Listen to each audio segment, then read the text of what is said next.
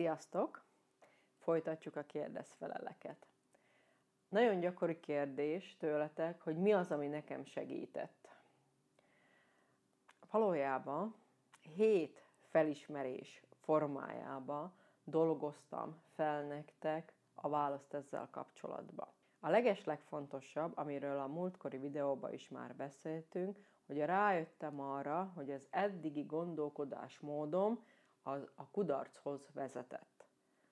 Tehát elkezdtem keresni, ugyanis pontosan láttam, tudtam, hogy ha mindent ugyanúgy fog csinálni, mint eddig, ha mindent a szokás szerint, ugyanez a végeredmény lesz. Én nem szerettem volna azt, hogy így folytatódjon az életem, hogy újra kudarcot éljek meg, újra a veszteséget éljem meg.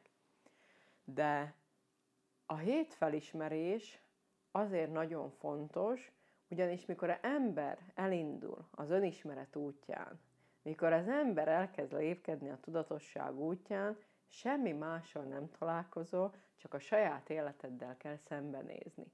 Saját magaddal kell szembenézni, és be kell ismerni olyan dolgokat, amit eddig sikeresen a szőnyeg alá söpörték sikeresen nem akartál róla tudomást venni, vagy el akartad kerülni a saját életedbe. De a szőnyeg alatt már akkora volt a kupac, hogy egyszer csak orra esünk benne. És mikor ezek a felismerések megszületnek a életedbe, bizony nem egyszerű ezeket elfogadni.